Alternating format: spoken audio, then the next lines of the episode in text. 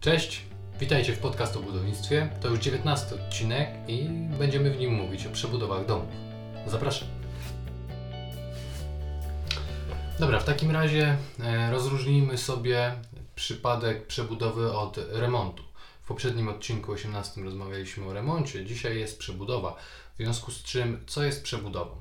Według prawa budowlanego, jeżeli zmieniamy coś w przegrodzie zewnętrznej, czyli w ścianie, w dachu, to jest to przebudowa przegrody zewnętrznej i to wymaga przynajmniej zgłoszenia.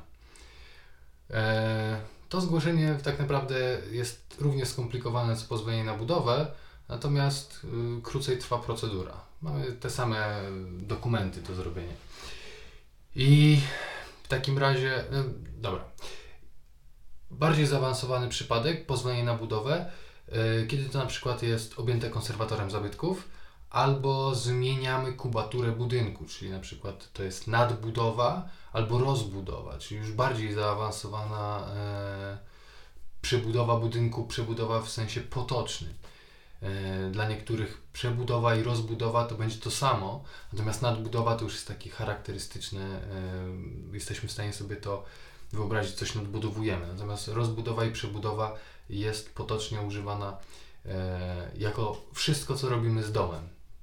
Mm, no i kiedy zmieniamy kubaturę, wysokość albo y, objętość y, na działce, to, to, to wymaga pozwolenia na budowę obligatoryjnie. Natomiast nawet remont, jeżeli to jest konserwator zabytków, też wymaga y, często pozwolenia na budowę. Chyba, że to jest gminna ewidencja, ale to nagram o tym w przyszłości. W ogóle mam pomysł, żeby nagrywać e, live'y i webinary z zakresu konserwatora zabytków. O ile z odbiorów to chyba nie do końca e, ten temat jakby wyczerpaliśmy całą serią podcastów. Natomiast e, bardziej jakieś QA, Wasze problemy z odbiorów. Ale ten temat o konserwatorach zabytków to taki webinar mógłbym przygotować. Miałem kiedyś w ogóle pomysł, żeby robić szkolenia z. Mm, inwestycji objętych konserwatorem zabytków e, dla urzędów, dla inwestorów, no to zrobimy to w formie cyfrowej, bo wiadomo jak dzisiaj jest. E, jesteśmy zmuszeni wszystkie nasze plany e, puszczać tylko w internet, przez co robią się, dzieją się szybciej. To jest fantastyczne z jednej strony, prawda? Abstrahując od tego całego. Ale nie o tym, tak? O przebudowach. Więc mm, już się pogubiłem. E, mamy pozwolenie na budowę, mamy zgłoszenie i teraz jakie dokumenty należy do tego przygotować? Niezależnie którym idziemy trybem, każda ingerencja w budynek wymaga ekspertyzy tego budynku.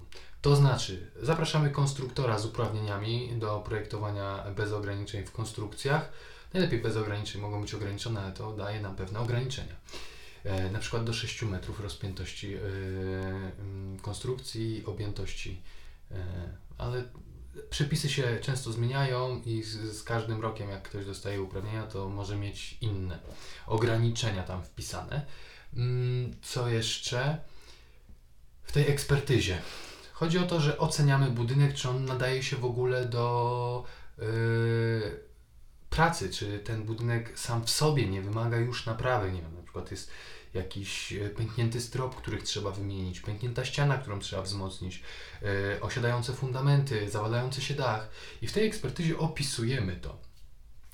Ponieważ y, ekspertyza jest przygotowana dodatkowo w celu zmiany jakiejś w tym budynku, opisujemy też pokrótce tą zmianę. I na końcu we wnioskach jest napisane, że planowany zakres inwestycji można zrealizować pod warunkiem, że zrobimy to, to, to i to. I należy to rozważyć w projekcie budowlanym, ponieważ ekspertyza jest załącznikiem do projektu budowlanego, który to jest załącznikiem do dokumentów zgłoszenia na, albo pozwolenia na budowę. Fajne, nie? To jest y, 12 lat mojego życia. Uwielbiam o tym rozmawiać, opowiadać z uśmiechem, ale za każdym razem, kiedy się z Wami spotykam i mówię Wam, y, jak ten projekt w Waszym przypadku będzie wyglądał, to jest totalne szaleństwo i widzę w waszych oczach, że to was w ogóle nie bawi, ale mnie, e, nie wasza sytuacja, tylko te cała otoczka. Następnie mamy projekt budowlany. Oczywiście, żeby na niego przejść, musimy stworzyć koncepcję, analizę inwestycji w ogóle, czy e, planowana rozbudowa, przebudowa jest możliwa, bo jeżeli jest konserwator zabytków, trzeba się go o to zapytać, dostać zalecenia, wytyczne konserwatorskie, aby ocenić, czy w ogóle planowane zmiany można zrealizować. Druga sprawa to są miejscowe plany, warunki zabudowy.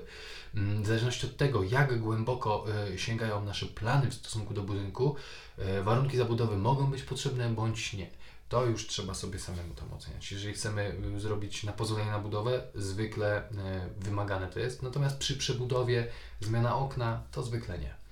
E, czy tam jakieś wyburzenie ścian nośnych w środku, bo to też jest przebudowa. W sumie ścianek działowych również, mówiłem o tym w poprzednim odcinku, ale to jest dla wyjątkowo czepialskich urzędników albo dla wyjątkowo ostrożnych inwestorów. E, zwykle, no mówmy się, no, wyburzamy te ściany działowe jak leci ale są sądy administracyjne, które uważają, że to jest przebudowa i wymaga już y, tego zgłoszenia. Hmm.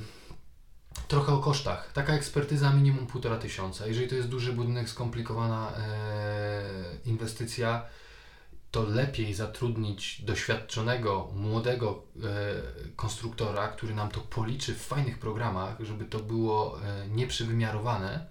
Natomiast jeżeli to jest wybicie okna w starym ceglanym budynku, no to umówmy się, możemy znaleźć jakiegoś starszego emerytowanego konstruktora, który za e, stosunkowo niskie pieniądze e, nam to po prostu zrobi i będzie nadzorował, no bo to jest po prostu papier dla papieru.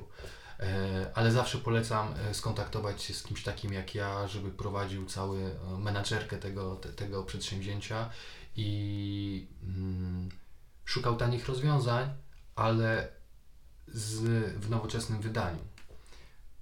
Taki ja. E, stary, a jednak młody. Nowoczesny w sensie.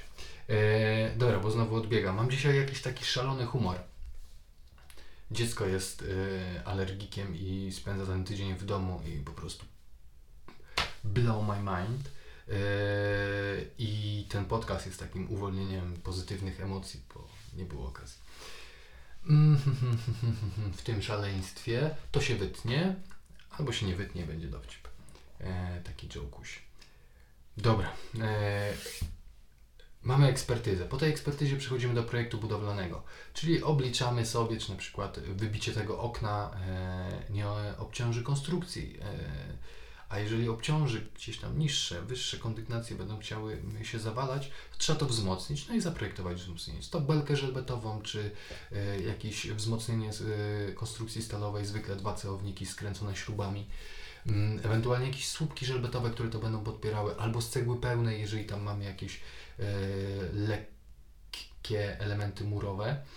Mm, no ale miałem też takie inwestycje, że robiliśmy czystkę zupełnie w środku budynku, bo na przykład były stare e, stropy e, klejnowskie, czyli to jest belka stalowa wypełniona cegiełkami. No i one mają swoje plusy. Ja mieszkając w kamienicy byłem mega zadowolony z, tych, z, z tego stropu, bo on był ciężki, przez co dźwięki i wibracje nie były tak przynoszone. Natomiast w tych nowoczesnych, lżejszych konstrukcjach, gdzie mamy płytę stropową cieńszą, bo nawet 15 cm w takich małych domkach można sobie zaprojektować, no to to już zupełnie inaczej pracuje. Więc y, no, jeżeli planujemy robić otwarte przestrzenie czystki, no to niestety trzeba to wyburzyć. I to fantastycznie wygląda, kiedy dom jest z zewnątrz popodpierany y, przyporami, zwykle jakieś drewniane, stalowe elementy, które trzymają te ściany, a my w środku po prostu jakbyśmy jadli jajeczko, yy, ścinamy tylko skorupkę i wybieramy ze środka jajko i tak ta chałupa w środku po prostu znika. Wchodzimy, patrzymy, a to jest taki po prostu wielki komin.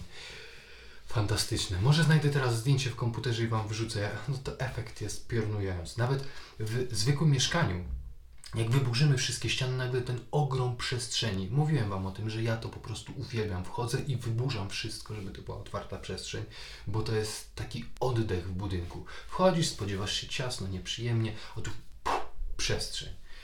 To na mnie robi duże wrażenie i lubię, kiedy się tak projektuje. W związku z czym mamy te wytyczne konserwatora, mamy. Yy, pomysły konstruktora, ale gdzieś pomiędzy jeszcze musi być koncepcja architektoniczna i ta analiza inwestycji, tak? Czy konserwator się zgadza, czy miejscowy plan, czy warunki techniczne, czy prawo budowlane i pokrewne jakieś tam różne przepisy zezwalają nam na to. I, i, i, i, i powstaje wtedy koncepcja, tak? Co tam możemy zrobić? Przy takich prostych projektach miałem też takie, że e, okno na klatce schodowej chcieliśmy zamienić na drzwi, więc tak naprawdę nic nie zmieniamy, tylko wycinamy w dół kawałek, budy, kawałek ściany. No i warto znaleźć architekta, który, e, starego architekta, który ma już wpisane w swoich uprawnieniach e, konstrukcję w ograniczonym zakresie i on po prostu ciachnie to jednym, jedną dokumentacją za małe pieniądze, bo to jest papier dla papieru, no wycinamy y, podokiennik, nie ma żadnego wpływu na konstrukcję. No ale trzeba na to spojrzeć, ocenić, czy ten budynek w ogóle się do tego nadaje. Więc powstaje jakaś koncepcja, bo przy takim prostym przypadku, no to to jest banalne, ale na przykład ktoś może chcieć y, zrobić z małego okna y, setki, na przykład wyjście balkonowe 3-metrowe. No i tu już wywalamy większość ściany z budynku i to trzeba wzmocnić, zastanowić się, jak inne kondygnacje, jak inne elementy sobą współpracują. Mm, no i to już są jakieś tam e, poważniejsze obliczenia, a nie po prostu zakładamy, że się wytnie. E, no i do tego jest potrzebna koncepcja, jakieś e, obliczenia konstrukcyjne, no i stworzenie projektu budowlanego i wszystkiego, co on tam wymaga. No i tego jest sporo. Jakiś tam skrzętny projekt y, zagospodarowania terenu na mapie zasadniczej. To przy przebudowie, bo jak mamy już rozbudowę, a nawet nadbudowę, to już potrzebujemy mapy do celów projektowych, to są koszta jak przy budowie nowego domu, y, plus ta ekspertyza oczywiście dodatkowo, to jest dodatkowy koszt. Y, przebudowy z tego tytułu są droższe ponieważ jeszcze dochodzi do tego inwentaryzacja budynku, bo jak chcemy coś porządnie zaprojektować, jeżeli to jest stary budynek, to zwykle nie ma dokumentacji, nawet jak jest, to był wielokrotnie remontowany, nawet przebudowywany i to się nie zgadza. I to jest dla mnie też fascynujące, bo kiedy ja mam do czynienia z takimi budynkami objętymi ochroną konserwatorską, to często okazuje się, że te budynki powstały w, latach dwudziestych e, ubiegłego wieku i ja, żeby znaleźć dokumentację na ich temat, kopię w archiwach. To jest po prostu cudowne. Ja przy większości moich projektów składam wniosek o dostęp do archiwum e, w starostwie, ale miałem w ubiegłym roku taki temat, gdzie to nie wystarczyło. Ja zajrzałem do e, Wydziału e, Architektury na Mokotowie, dostałem od nich dokumentację, no i faktycznie tam było sporo informacji, natomiast nie, nie dotarłem do sedna. Budynek był tak stary, że po prostu miasto nie posiadało tych dokumentów. No to co? Pojechałem na Krzywe Koło na Starym Mieście, tam mamy takie e, oddział e, archiwum, no teraz nie pamiętam. E, w każdym razie tam też często bywam i to mają bardzo dużo informacji. Ale okazuje się, że oni mają filię w Milanówku, która ma tych informacji jeszcze więcej. I trafiłem tam. Strasznie ciężko było się do nich dokopać. Umówiłem się dos i dostałem taką piękną księgę. Skórzana oprawa, stara, prawie stuletnia i tam listy odręcznie pisane architekta Lisieckiego zresztą. E, tak się nazywał szacowny e, architekt. E, to była w ogóle jego prywatna inwestycja. On sobie wybudował e, willę, to był bliźniak mm, i chciał tam mieszkać, wynajmować. No miał taki pomysł. Potem to trafiło e, w ręce mm, państwowe. Nie wiem, to był kwaterunek, tam były jakieś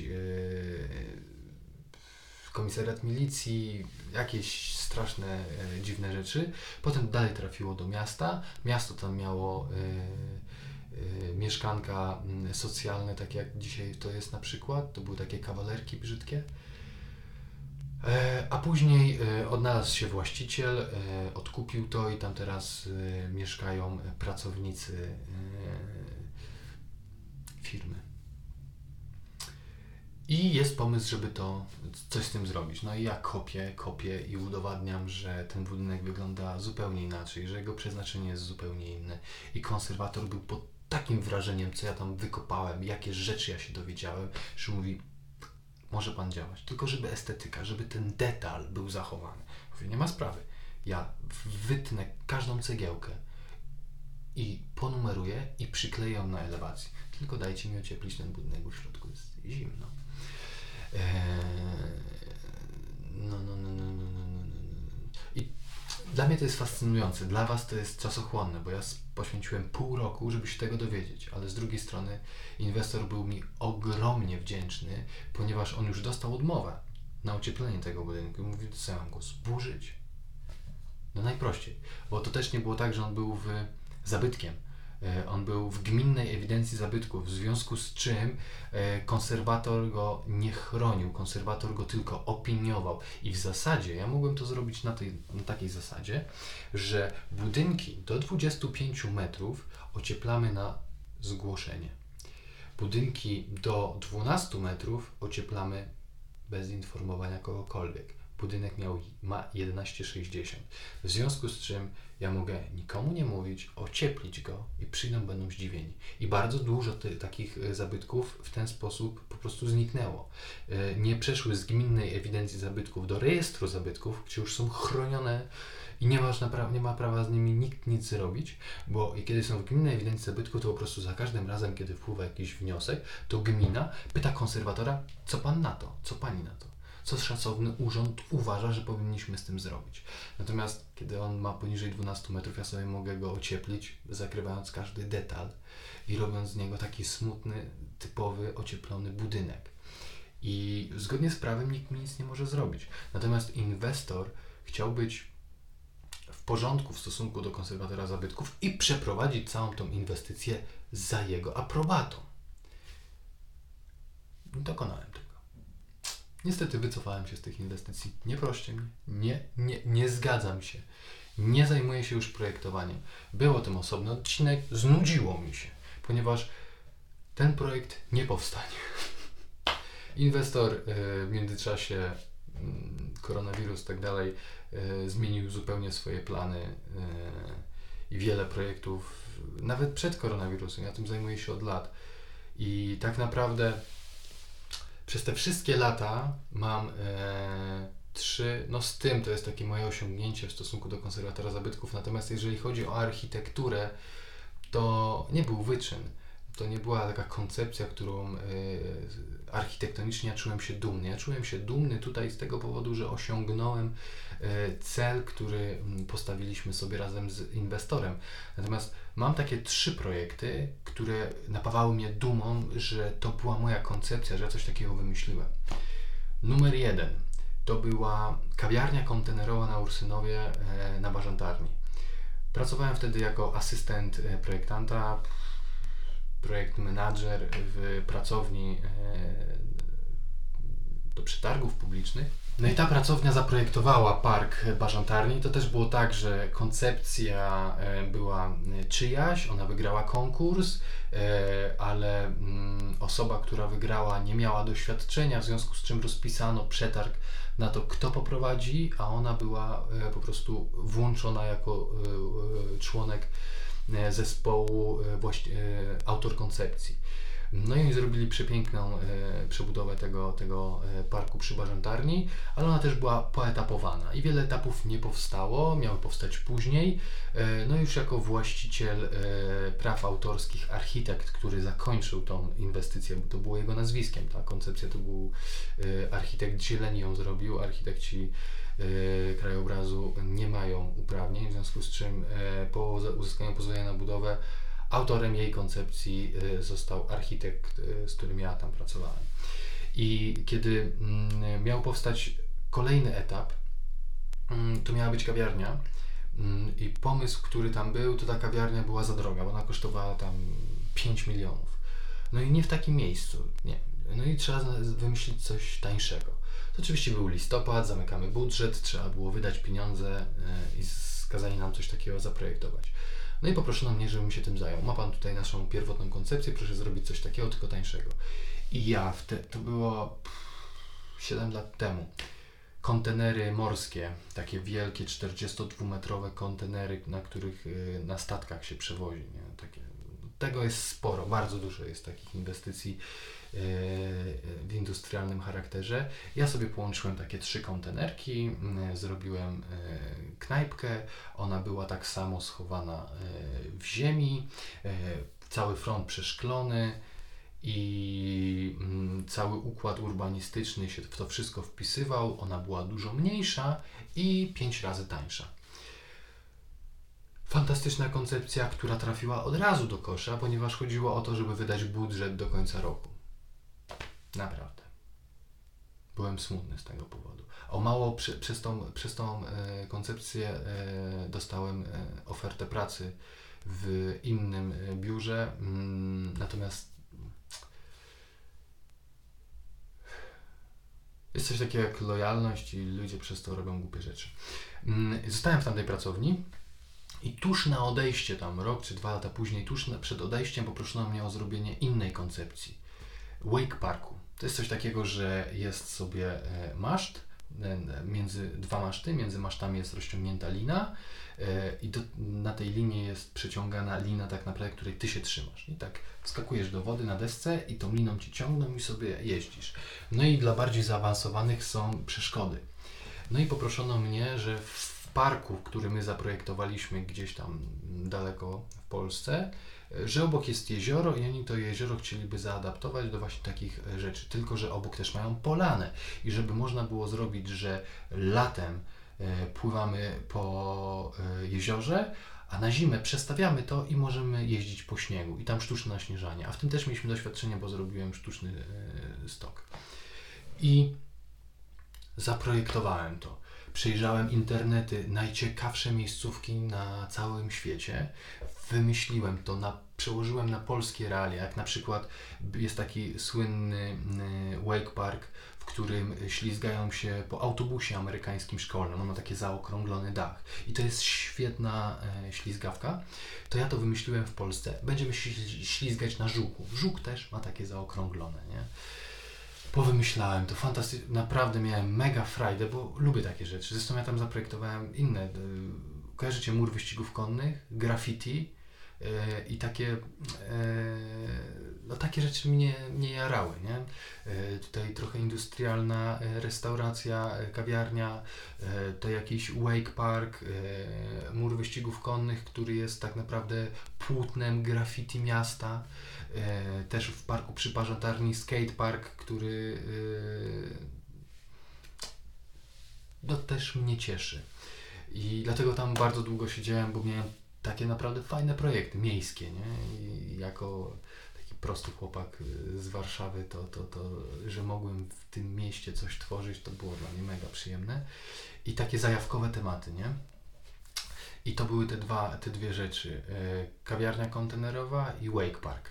Potem otworzyłem e, pod własnym nazwiskiem pracownię i w końcu po bardzo długim czasie dostałem e, projekt marzeń. Przebudowa, konserwator zabytków mm, i zróbmy z fantastycznego projektu Kalifornia po prostu, dom w Malibu. I zróbmy mm, z tego mm, coś nowego. Znudził mi się ten dom. Chcę, żeby był większy i żeby miał mm, znowu nowoczesny wygląd, bo on się już zestarzał przez 15 lat. I zaprojektowałem wstęgi, biały beton po prostu. Fantastyczny projekt. Dostał pozwolenie na budowę, wszystko załatwione. Niestety inwestor w międzyczasie na rok wyjechał z Polski, teraz wrócił. E, okazuje się, że przez koronawirusa budżet jest nadszarpnięty, będzie mniej szkła, więcej cegły. No i projekt znowu, znowu mnie nie cieszy tak, jak powinien. I nawet kiedyś czytałem artykuły, że chwaliłem się swoim znajomym. Zobaczcie, jaka koncepcja, stary, koncepcja. Poczekaj do realizacji. To się nie ma co chwalić. Jest bardzo słynny polski architekt, który nie chwali się nawet etapami budowy. On je pokazuje co najwyżej później. Chwali się dopiero efektem końcowym, kiedy widać ten budynek. Nie pokazuje wizualizacji, dopiero efekt końcowy. Bo co z tego, że zaprojektujemy coś fajnego, kiedy nic z tego nie ma. Najwięcej moich projektów to było pomaganie zwykłym ludziom y, ze zwykłymi projektami. Mam dom w trudnej sytuacji, ponieważ jest konserwator i chcę tam po prostu po ludzku żyć. I walczyłem z urzędami, żebyście mieli mm, to, co potrzebujecie. Natomiast y, to, co napawa, podbudowuje ego projektanta, to, to są właśnie takie naprawdę rozdmuchane projekty. i one, ich brak zeżarł po prostu moje chęci w tym zakresie i ja przestałem zajmować się przebudowami, bo to naprawdę jest trudny kawałek chleba. Eee, ale mam ogromną wiedzę, przyjemność i przez to robię dla Was odbiory. Dzisiaj głównie, głównie się zajmuję odbiorami, mam tam jakieś inwestycje, które domykam, jestem na jakichś tam budowach, które nadzoruję, bo mega lubię pracować z tymi budynkami ale nie chcę już chodzić za nimi po urzędach i wolę tam wpaść na raz na jakiś czas i zobaczyć, czy budynek na pewno wygląda tak, jak ktoś to przewidział. Ponadto okazuje się, że łatwiej jest być e, poszukiwanym e, inspektorem nadzoru inwestorskiego, kierownikiem budowy e, dla całej rzeszy ludzi, którzy budują wspaniałe budynki Konstancin też jest cały objęty ochroną konserwatorską i tam powstają mega inwestycje. Ja do tych ludzi jako projektant nie miałem przebicia, ale już jako kierownik budowy ja mogę zajmować się tymi budynkami. I to, co jest najfajniejsze, ta struktura, jak ona powstaje. Nie? A koncepcję se do szuflady tworzę, nie? tak jak stary piosenkarz. Se coś napiszę, se pobrzdękam i szuflada. Ale do czego ja teraz dążyłem? Dzięki tym budynkom powstał w ogóle idea, żebym ja się zajmował odbiorami mieszkań. Ponieważ e, ja przychodziłem do moich klientów, którzy mówili, kupiłem taki dom, zróbmy coś z tym. Ja wchodzę do środka, mówię, ale dlaczego pan to kupił? Przecież tu stropy wibrują, ten dom się zawali, go trzeba wzmocnić, a pan go chce jeszcze dwa piętra dobudować. I przez to zacząłem promować e, inspekcję domów z rynku wtórnego.